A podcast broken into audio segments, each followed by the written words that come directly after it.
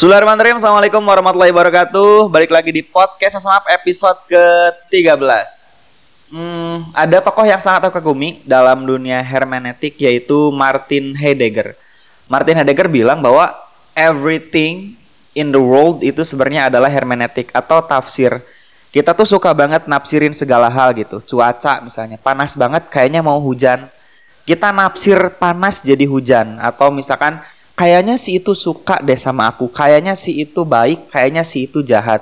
Nah, ini yang menjadi salah satu yang menarik karena kita senang sekali mentafsirkan sesuatu, termasuk juga karakter. Padahal hakikatnya manusia itu ya dengan sejuta ambiguitasnya, tapi kita senang banget nafsir dia soleh, dia jahat sehingga si pribadi orang tersebut susah untuk berkembang bahkan jadi dirinya karena dia terkungkung oleh tafsir orang-orang. Bahkan lama-kelamaan kalau tafsir itu terus bermunculan yang disebut dengan konstruk sosial. For example, something like Kang Zam-Zam itu ramah ya. Padahal Zam-Zam itu ramah itu hanya satu warna dari sekian banyaknya warna pelangi. Ada ungu, ada jingga. Tapi orang senang lihat Zam-Zam bagian kuningnya aja misalkan. Padahal dalam diri Zam-Zam ada banyak sekali warna. Nah ini menarik karena e, kita akan berbicara langsung dengan seorang santri ya dan akan beropini gimana sih sebetulnya ketika di jas bukan di jas ya, distempel sebagai orang yang baik atau soleh atau jahat atau bangor. Padahal sejatinya manusia begitu sangat tumbuh sesuai dengan waktu, sesuai dengan masa dan lain-lain. Dan selamat datang untuk Teh Ani. Assalamualaikum Teh Ani. Waalaikumsalam warahmatullahi wabarakatuh. Sehat Teh Ani? Alhamdulillah. Akang gimana kabarnya juga? Sehat. Teh Ani kita santai aja ya. Dan kita ngomong apa pun sebenarnya nggak bakal ada yang dikat, jadi santai aja. Nah ini Teh Ani kelas 12 sekarang ya Teh ya? Ya, insya Allah. Mm -mm, juga aktif di pondok juga sebagai pengurus, juga aktif uh, pengajian dan lain-lain, ngafal Quran lain-lain. Nah ini menarik banget sebenarnya ketika seorang Teh Ani, se seorang seorang santri, seorang santri ya, seorang uhti, berbicara tentang gimana sih rasanya ketika orang lain menyentempel kita sebagai seorang yang solehah 100% gitu. Apakah itu berat atau enggak? Terus apakah kita jadi terpenjara atau enggak? Karena mau nggak mau tadi aku bilang bahwa Martin Heidegger bilang bahwa ya enggak semuanya cuma tafsir orang-orang aja gitu dan kita jadi susah untuk tumbuh. Gimana Teh Ani untuk opininya? Um, Dari mana dulu aja bebas? Ya kadang uh, mungkin kalau dari uh, saya sendiri gitu okay. ya kan. Jadi suka bingung dan suka kayak tertekan gitu kalau okay. orang-orang kalau orang-orang di luar sana tuh kayak uh, teman-teman gitu ya kan yang uh, ngejudge kita tuh bukan ngejudge tapi kayak suka memberikan bilang, stempel itu kan ya stempel iya, gitu. uh, baik baik baik gitu jadi pas di mana aku tuh down dan melakukan suatu kesalahan yang kecil kecil jadi mereka tuh kayak eh kok gini gitu padahal kan emang uh -uh. Uh, ya benar kata akang tadi hmm. gitu bahwa kita tuh punya berbagai warna gitu yeah. kan uh, kita tuh gak bisa selalu menunjukkan warna yang sama gitu. Okay. kayak gitu. Dan itu teh kadang membuat stres juga gitu. Iya iya iya. Nah kenapa hari ini pas banget Teh Ani? Karena ini stereotip untuk Teh Ani tuh karena emang mau nggak mau uh, Teh Ani tuh rajin sekali orang ya dan padahal sebetulnya Teh Ani juga berkembang punya minat punya bakat yang mungkin orang lain nggak tahu. Nah ketika Teh Ani distempeli oleh satu merek, Teh Ani nggak bisa apa-apa dan akhirnya lumayan jadi beban. Nah itu jadi um, adalah nih aja curhatan-curhatan ketika Teh Ani mungkin apa uh, semacam apa ya kayak melakukan something wrong pada kecil tapi anggapan orang lain jadi wah Teh Ani kok gini gitu-gitu. Boleh dong curhatin dong santai aja. Um, ya secara garis besar tadi uh -uh. gitu ya Kang ya. Uh, tapi uh, dimohon untuk teman-teman sekalian. Bukan dimohonnya tapi uh, marilah kita kita coba buat kayak uh, jangan jangan kaku gitu dan kita tuh harus kayak uh, mama memahami gitu bahwa okay. uh, ya kehidupan itu dinamis gitu ya kayak okay, berbeda-beda gitu. Beda-beda setiap keadaannya gitu hmm. dan ya uh, sikap atau perilaku seorang itu uh, tergantung dengan keadaannya gitu. Dia okay, gak akan selamanya banget. baik, bener dia gak akan selamanya uh, jahat atau buruk gitu. Okay. Kayak gitu dan itu adalah suatu hal yang wajar gitu. Hmm. Gitu dan um, gimana ya Kang? Aduh, jadi boleh dah, nggak apa-apa, nggak apa. Tani, aduh ini bener banget ya. Makanya aku Tani seneng banget nonton film Ghibli. Uh, Hayao Miyazaki. Di film Ghibli itu nggak ada orang baik, nggak ada orang jahat. Ada orang baiknya sih, tapi pemeran jahatnya tuh nggak mutlak jahat. Orang jahat itu dalam situasi tertentu aja. Tapi dalam time yang lain ketika situasinya bergeser dia juga jadi baik gitu. Jadi kita nggak berhak kayaknya untuk ngeklaim kamu jahat sampai 100% gitu, bletok gitu. Nggak berhak karena ya itu betul kata Teh dinamis. Dan kita pun hmm, maksudnya kita sama-sama tumbuh, sama-sama tumbuh, sama-sama ngembangin minat, sama-sama ngembangin bakat. Jadi kalau kita sudah stempel orang yang putih banget, jadi hmm, kadang kalau kita ngelakuin something yang kecil kelihatannya gede banget ya, something like kayak ada kertas gede warna putih terus ada tintanya kecil jadi kelihatan kotor banget kayak gitu gitu. gitu. jadi ini yang menjadi sebenarnya mungkin TNI hanya speak up perwakilan aja. Mungkin banyak banget nih teman-teman di luaran sana, di SMA sana yang mungkin sama eh, apa ya, ditafsir banyak orang sehingga dia jadi susah untuk tumbuh. Dan ini penting banget di podcast kali ini kita opininya sebenarnya gimana sih? Gitu kayak gitu gitu. Yeah. Oke, TNI ada yang mau diobrolin lagi nggak kayak semacam Mau curhatan boleh atau mau nasihat juga boleh ataupun apa juga boleh, terserah whatever. Ya, ya mungkin uh, tadi ya Kang hmm. kayak uh, setiap orang itu pasti berbeda-beda. Gitu. Okay. Dan begitu juga dengan sikapnya dan okay. juga ya kepribadiannya juga berbeda-beda gitu. Nah, uh, di samping itu jadi uh, kita juga harus memiliki uh, pemahaman gitu okay. yang berbeda terhadap setiap orang itu gitu. -hmm. Gitu sehingga ya kita bisa memahami uh, orang itu gitu. Hmm. Nah, kan tapi yang terpenting itu memahami orang itu harus gitu, tapi uh, kita juga jangan lupa untuk memahami diri kita sendiri gitu, karena itu hmm. penting gitu. Uh, mungkin uh, ini jadi ke mana gitu ya kan ini. Uh, karena sering digituin gitu ya Kang ya. Okay. Jadi uh, jadi malah kayak gak peduli lah gak apa-apa orang lain mau, mau kata apa juga gitu. jadi malah um, gimana ya Kang jadi nggak apa-apa santai aja santai aja. santai aja ya gitu Kang jadi hmm, kadang suka kayak orang lain berpendapat apa gitu jadi yaudah dicuekin aja lah gitu hmm. daripada aku pikirin dan itu malah membuat aku pusing gitu. Jadi yaudah gimana aku aja lah gitu. Kayak gitu. Oke okay, itu muncul karena gitu. apa ya? Karena ya terlalu sering orang memberikan tafsir terus kita ya udahlah gitu. Aku mah aku aja gitu. Aku boleh curhat nggak teh? Dulu waktu aku usiaan SMP kalau nggak salah. Mirip banget karakternya kayak Teh Ani. Cuma aku versi cowoknya mungkin ya. Maksudnya um, sangat apa ya sangat diusahakan untuk patuh terhadap rules dan lain-lain. Um, terus kalau misalkan Pak Kiai nyuruh karena aku gede di pesantren salaf kayak aku nyuruh apa terus aku manut aja terus gitu. Sehingga banyak tuh teman-teman di seangkatan yang kayak bukan jealous atau apa kayak gitu-gitu ya. Dan di usiaku pada saat itu tuh ya sama gitu. Kok orang lain boleh main tapi aku kok nggak bisa ya kayak gitu-gitu karena waktu itu emang belum balance padahal dalam diri manusia tuh kata Sigmund Freud ada tiga unsur tuh ada id ada ego ada super ego id itu kayak semacam desire ya makan main punya hasrat untuk bahagia kayak gitu-gitu. Terus ada juga ego logik untuk kontrol disiplin, ada super ego untuk nge-push diri kita untuk jadi lebih baik dan ini berjalan beriringan.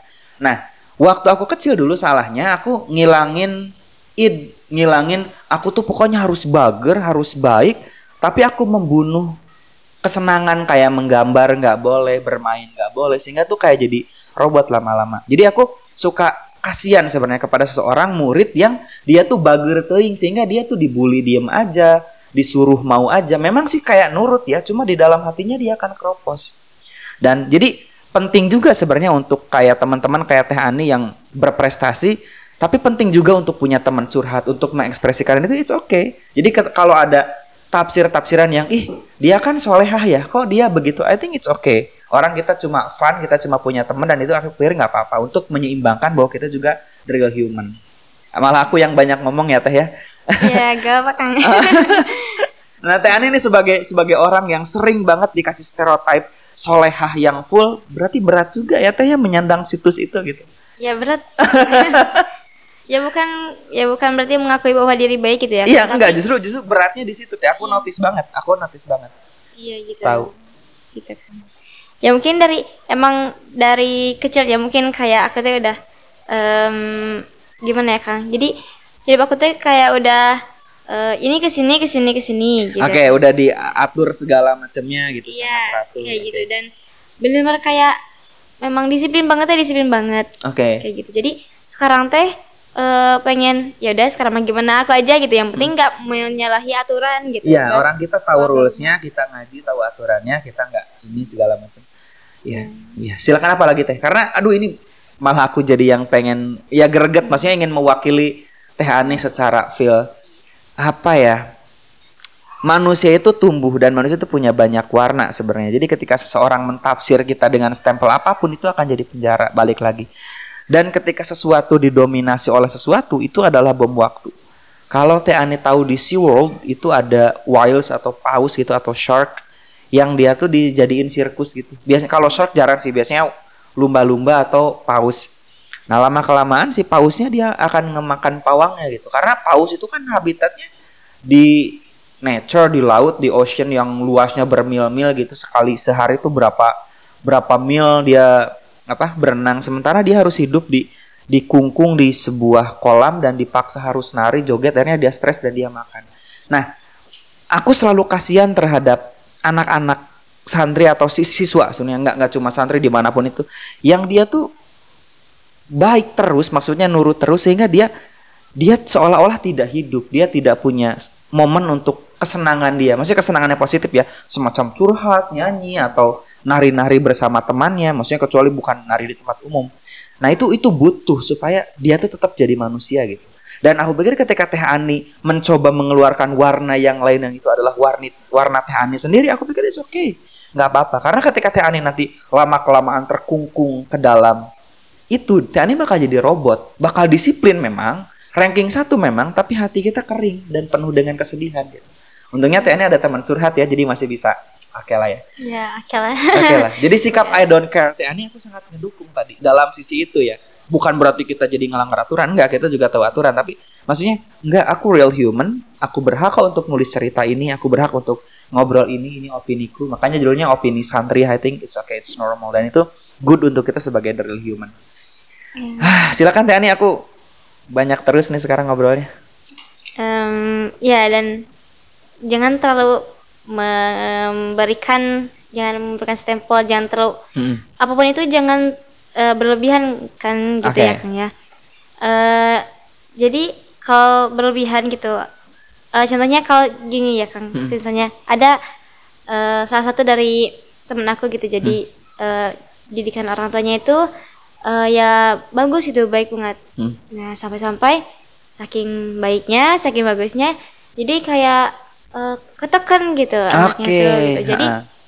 bukannya kalau apa apa bukan bukannya nurut malah jadi mm -mm. Uh, melanggar gitu ya mm -mm. kayaknya jadi terlalu keras jadi mantul mungkin gitu ya kayaknya okay. jadi okay. mungkin ya aduh ini jadi ke mana-mana gitu ya. nggak apa-apa nggak apa-apa bagus emang nyambung kok karena ibaratnya kayak tadi anak itu dia punya dunianya sendiri jadi ketika anak itu dikerangkeng seperti paus yang dikerangkeng tadi dia akan ngabeledug lama-lama nggak usia SMA mungkin pas kuliah dia akan kabur dari rumah. Dan banyak sekali kasusnya.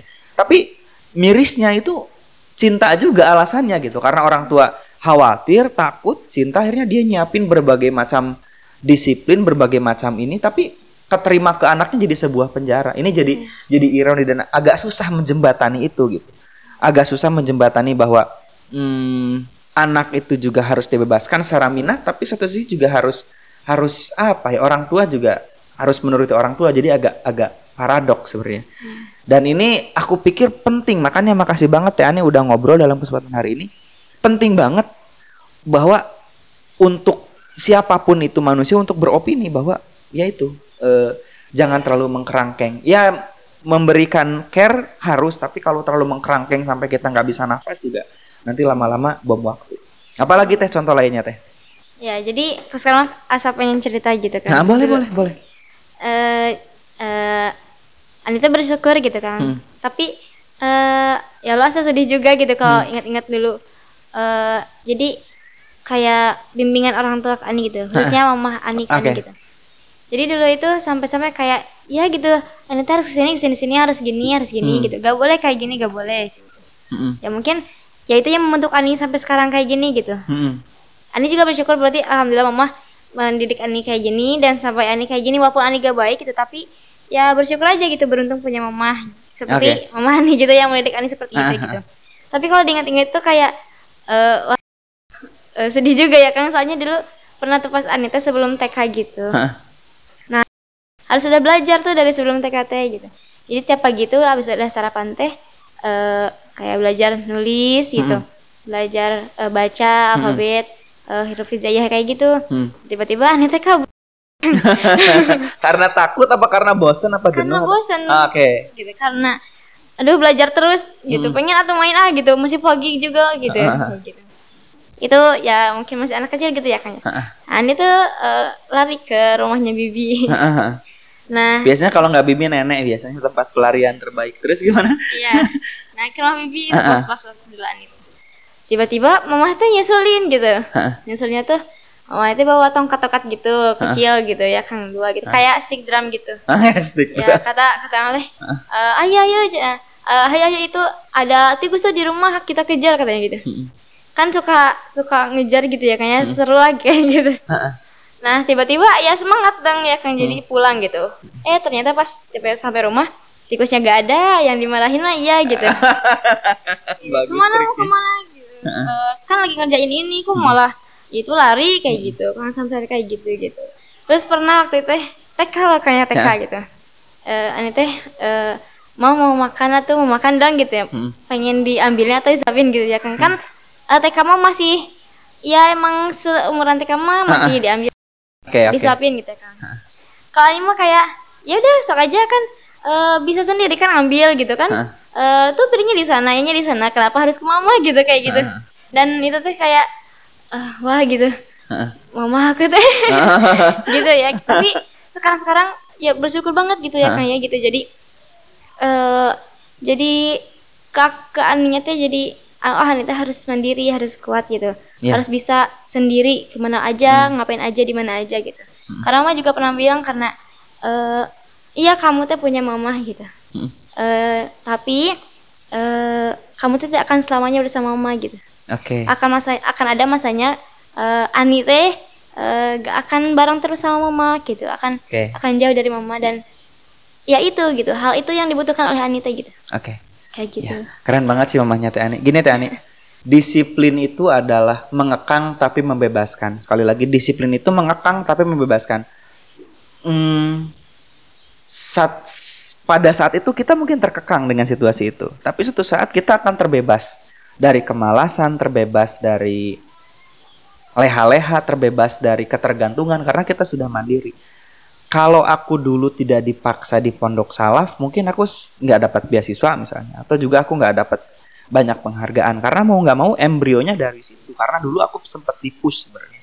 Nah, jadi sebenarnya bentuk kepedulian orang tua yang ngepush tadi, sebenarnya itu nggak apa-apa dan itu bagus.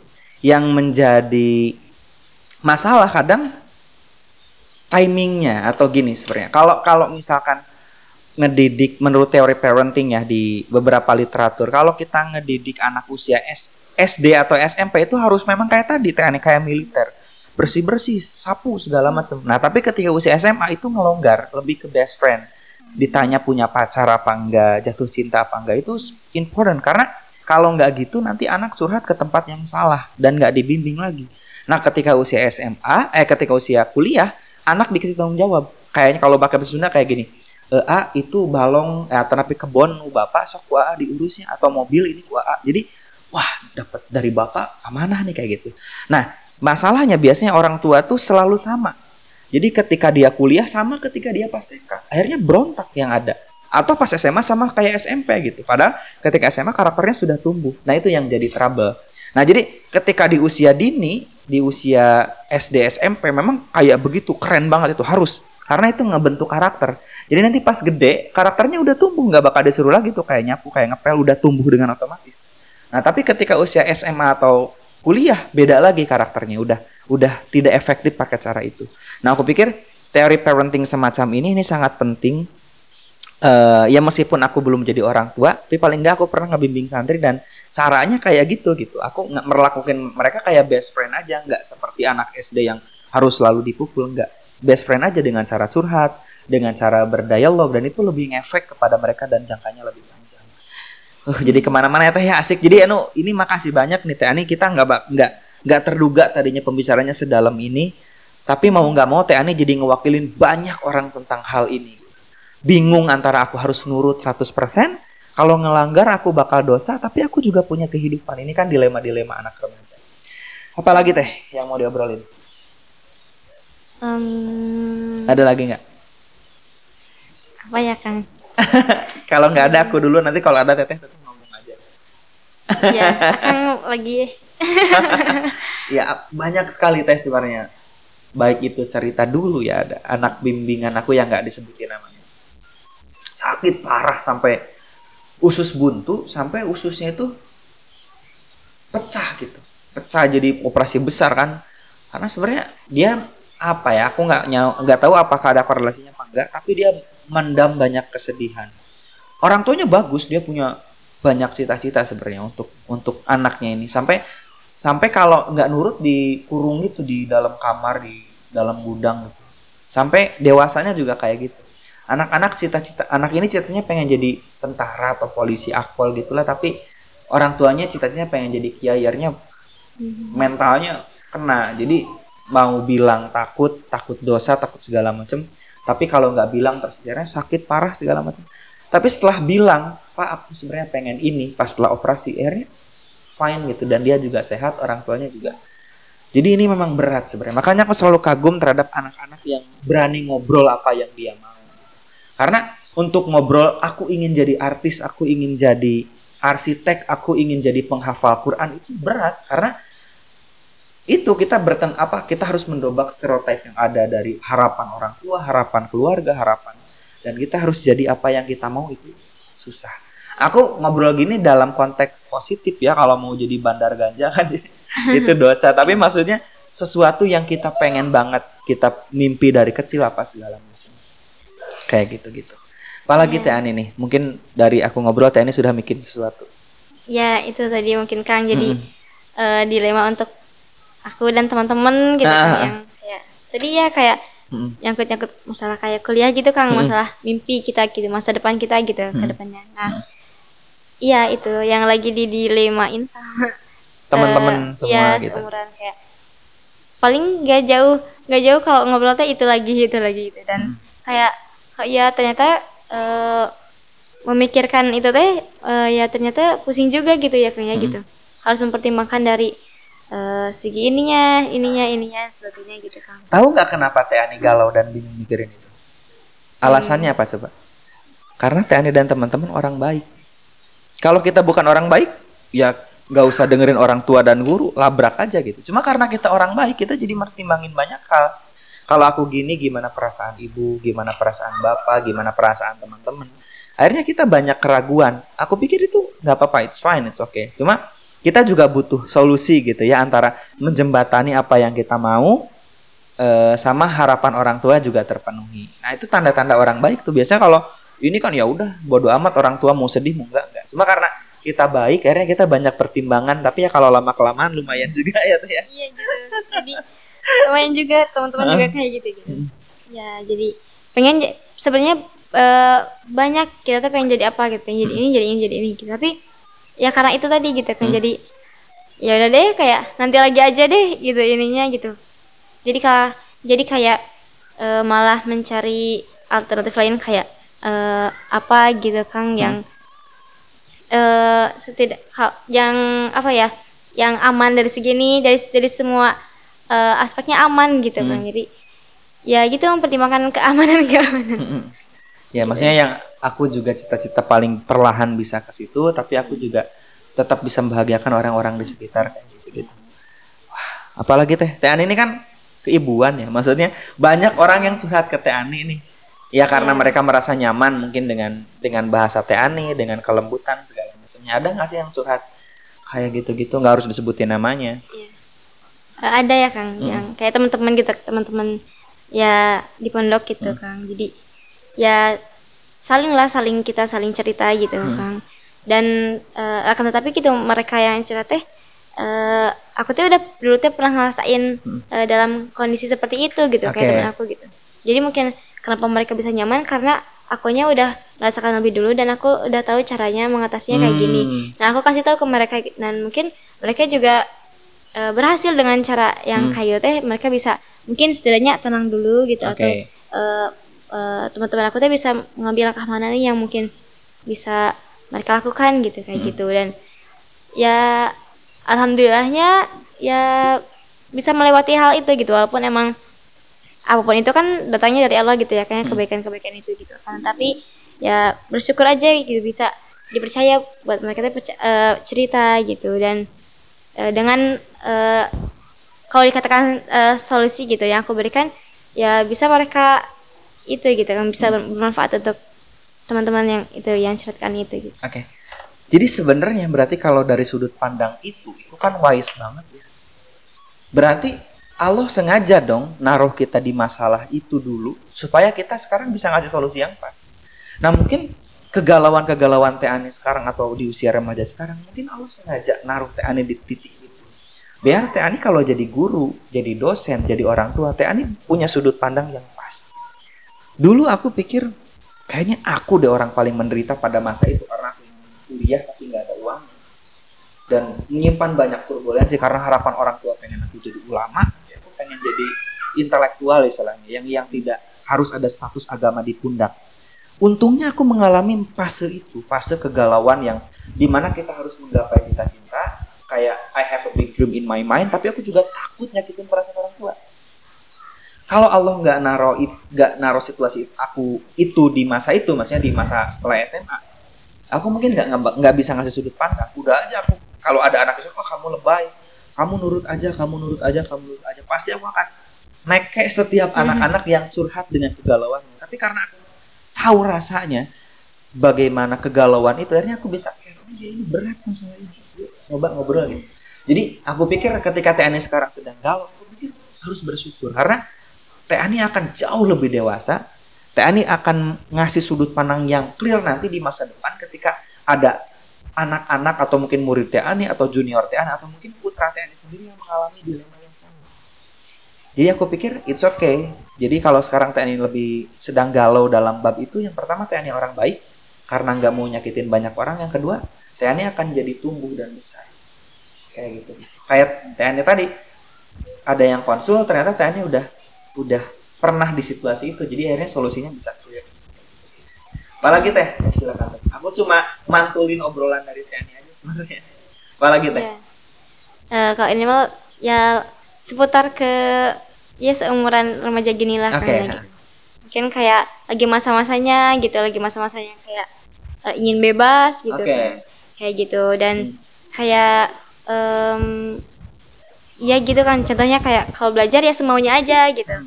kalau ngafalin ya se seingetnya aja kayak hmm. gitu gitu tapi ya setelah di hmm. sadar gitu kan bahwa ya apa kapan pun itu uh, usianya gitu dan hmm. waktunya gitu ya bolehlah kalau sebentar mah untuk istirahat gitu tapi jangan terlalu keenakan sampai eh, sampai-sampai kita tuh lupa sama kewajiban kita sendiri gitu. Oke. Okay. Justru gitu. di di sana beratnya kan ya, nilai iya. ibadahnya iya. di sana. Makanya balik lagi ketika konsep Sigmund Freud tadi ada id, ada ego, ada super ego. Id itu kan kita punya desire, kita punya hasrat untuk fun, untuk bermain segala macam. Ini jangan dibunuh. Kalau dibunuh kita bakal jadi robot. Bakal jadi orang yang selalu ranking satu tapi keropos. Kita nggak punya temen, kita nggak punya seseorang yang kita kasihi kita nggak punya sesuatu hobi yang buat kita berdebar-debar nggak ada cuma belajar ngafalin itu juga buruk tapi kalau kita juga idnya kegedean akhirnya kita bakal tidur makan main kita juga like animal makanya jadi ahsani takwim atau insan kamil atau apa ya dalam bahasa Yunani-nya aku lupa lagi. Um, kalau kata Nietzsche itu yubekmeh Superman ya manusia super. Tuh ketika balance ketika kita fun punya banyak temen tapi tetap pelajaran terjaga. Ini keren banget sih. Dan banyak kok santri-santri yang kayak gitu yang tetap balance antara kapan waktunya ngafal kapan waktunya wah fun sama teman-teman. Dan aku sangat menjaga ketiga apa ya ketiga unsur ini. Dan kalau bisa di usia SMA sudah nemu tapi kalau enggak Sofi itu perjalanan.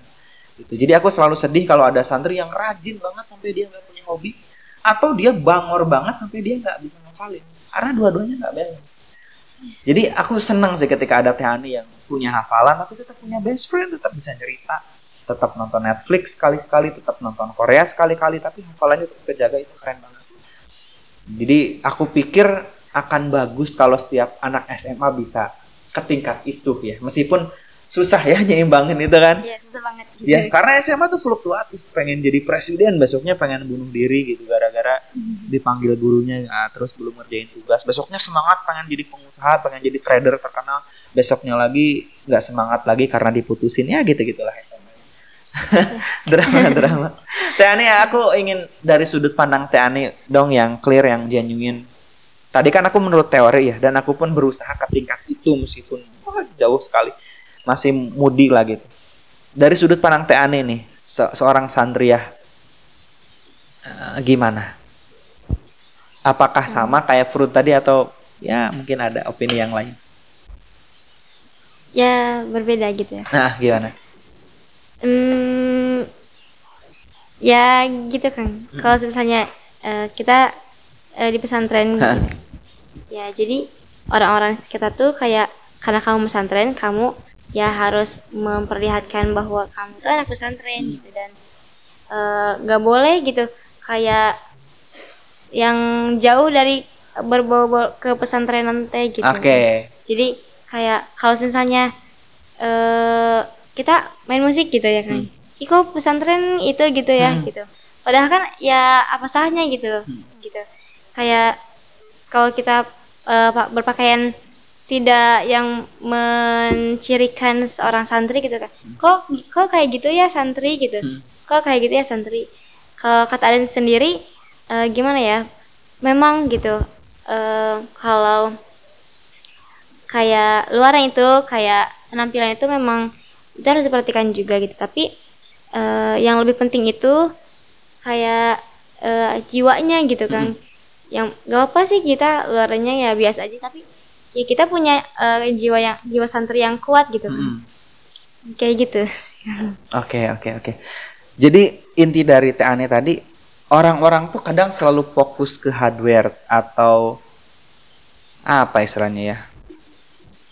Uh, yang nampak semacam tampilan casing kayak gitu. Padahal value itu mungkin jauh lebih penting um, tapi mungkin bagi orang-orang tertentu ya it's okay nggak apa-apa. Karena bagi orang-orang tertentu mungkin agama keberagamaan itu juga yang nampak aja yang terlihat ya ya kostum ya pakaian. Tapi padahal jauh di dalamnya juga kita harus value-nya juga harus lebih kuat. Makanya fenomena fundamentalisme agama ketika dulu ada yang banyak banget lah kejadian-kejadian cuma e, karena yang di depannya bukan Pak Sumadi jadi aku agak ragu-ragu hmm. untuk ngobrol ya Teh kita yang hmm. ringan-ringan aja ya maksudnya orang tuh fokus ke hardware yang di yang ditampilkan padahal mungkin value juga jauh lebih penting. Ini udah berapa menit ya? 30 udah setengah jam deh ini. Iya. ini ada nggak yang di yang mau selain maaf ya teman-teman kita karena ini ke dalam ya jadi banyak sekali dialog yang diulang karena kita fokusnya ke dalam. Dan ini penting karena mau tidak mau remaja mungkin merasakan itu ketika ditafsir oleh lingkungannya, ditafsir oleh gurunya, ditafsir oleh orang tuanya sehingga dia teragu untuk tumbuh karena orang seneng kalau tadi aku bilang kalau aku tuh kayak pelangi, orang seneng lihat zam-zam pas warna pinknya aja misalkan kalau ada warna pinknya ya. Padahal ada warna jingganya, ada warna ungunya, ada warna segala macamnya. Dan itu adalah bagian dari diri zam-zam juga gitu. Dan ya karena stereotip tadi sehingga orang ya zam-zam tuh warna kuning aja gitu. Padahal kita juga punya banyak warna. Ada dong teh, silakan teh. Ya, uh, jadi ke keinget ini Kang nah. kata Immanuel Kant. Hmm katanya orang yang baik itu cuma ada dua gitu. Hmm. Yang pertama orang yang benar-benar melakukan kebaikan hmm. dan yang kedua itu orang-orang yang tidak merugikan orang lain gitu. Oke. Okay. Nah, dan menurut Ani uh, jadi jadilah orang yang baik hmm. setiap hari gitu kan. Hmm. Dan jadilah yang bermanfaat sih kan lebih ke kayak okay. bermanfaat dan teruslah berbuat baik setiap hari gitu. Hmm. Uh, karena uh, Allah akan menghisap uh, Allah itu menimbang pahala kita tuh bukan dari seberapa banyak tapi Allah itu melihat dari setiap detiknya gitu kan jadi teruslah berbuat baik uh, setiap menit setiap detik gitu setiap hari gitu okay. dan jangan menyanyikan apa yang kita miliki apa yang kita uh, ya apa yang kita miliki gitu kan uh, terus mm, motivasi gitu kan untuk diri sendiri ini mah hmm. dan untuk teman-teman mungkin yang juga merasakan gitu bahwa hmm. uh, ya terus paksakan gitu untuk sesuatu hal yang baik terus paksakan. Oke. Okay. jangan sampai ditunda-tunda, jangan sampai disia-siakan gitu karena uh, sedetik dan sedikit itu berharga. Kalau menurut ini seperti itu. Jadi uh, ingat Allah itu menghisap uh, kita tuh setiap waktunya setiap detik gitu kan. Jadi okay. uh, berbuat baiklah terus gitu dan sebanyak mungkin gitu. Oke, okay. masih banyak Tani. Tani makasih banyak udah ngutip Immanuel kan. Kan itu orang yang disiplin loh kan itu bahkan nggak keburu nikah saking senengnya nulis buku Immanuel kan itu kayak santri sebenarnya maksudnya dalam segi disiplinnya ya ini dia non muslim bangun jam 5 subuh kayak gitu-gitu bahkan dia belum pernah ke mana-mana saking fokusnya disiplin itu jadi kalau Teani ngutip, ngutip Immanuel kan pasti karena Teani banget kalau Immanuel kan beda sama Hegel Hegel kan ada urakan bangor kalau Immanuel kan tuh keren keren banget asli Teh Ani makasih banyak ya uh, udah datang di podcast hari ini. Ini pas banget kita pas banget dan duhur ya. Uh, terima kasih banyak teman-teman udah nonton dari sampai akhir. Uh, ini deep banget, sangat dalam banget tentang karakter. Closing statementnya manusia itu akan selalu tumbuh. Um, jadi aku pikir uh, tidak ada manusia jahat kecuali dalam situasi tertentu. Makanya nontonlah film-film Ghibli biar sudut pandang kita clear. Karena yang kita benci dia itu situasinya pada saat itu, tapi mungkin pada saat sekarang dia juga tumbuh, aku pun tumbuh. Everything is change, termasuk juga dirimu sendiri. Jadi marilah kita clearkan sudut pandang. Ya, kayak gitulah. Ya, I don't know, something like that. Dan ini makasih banyak.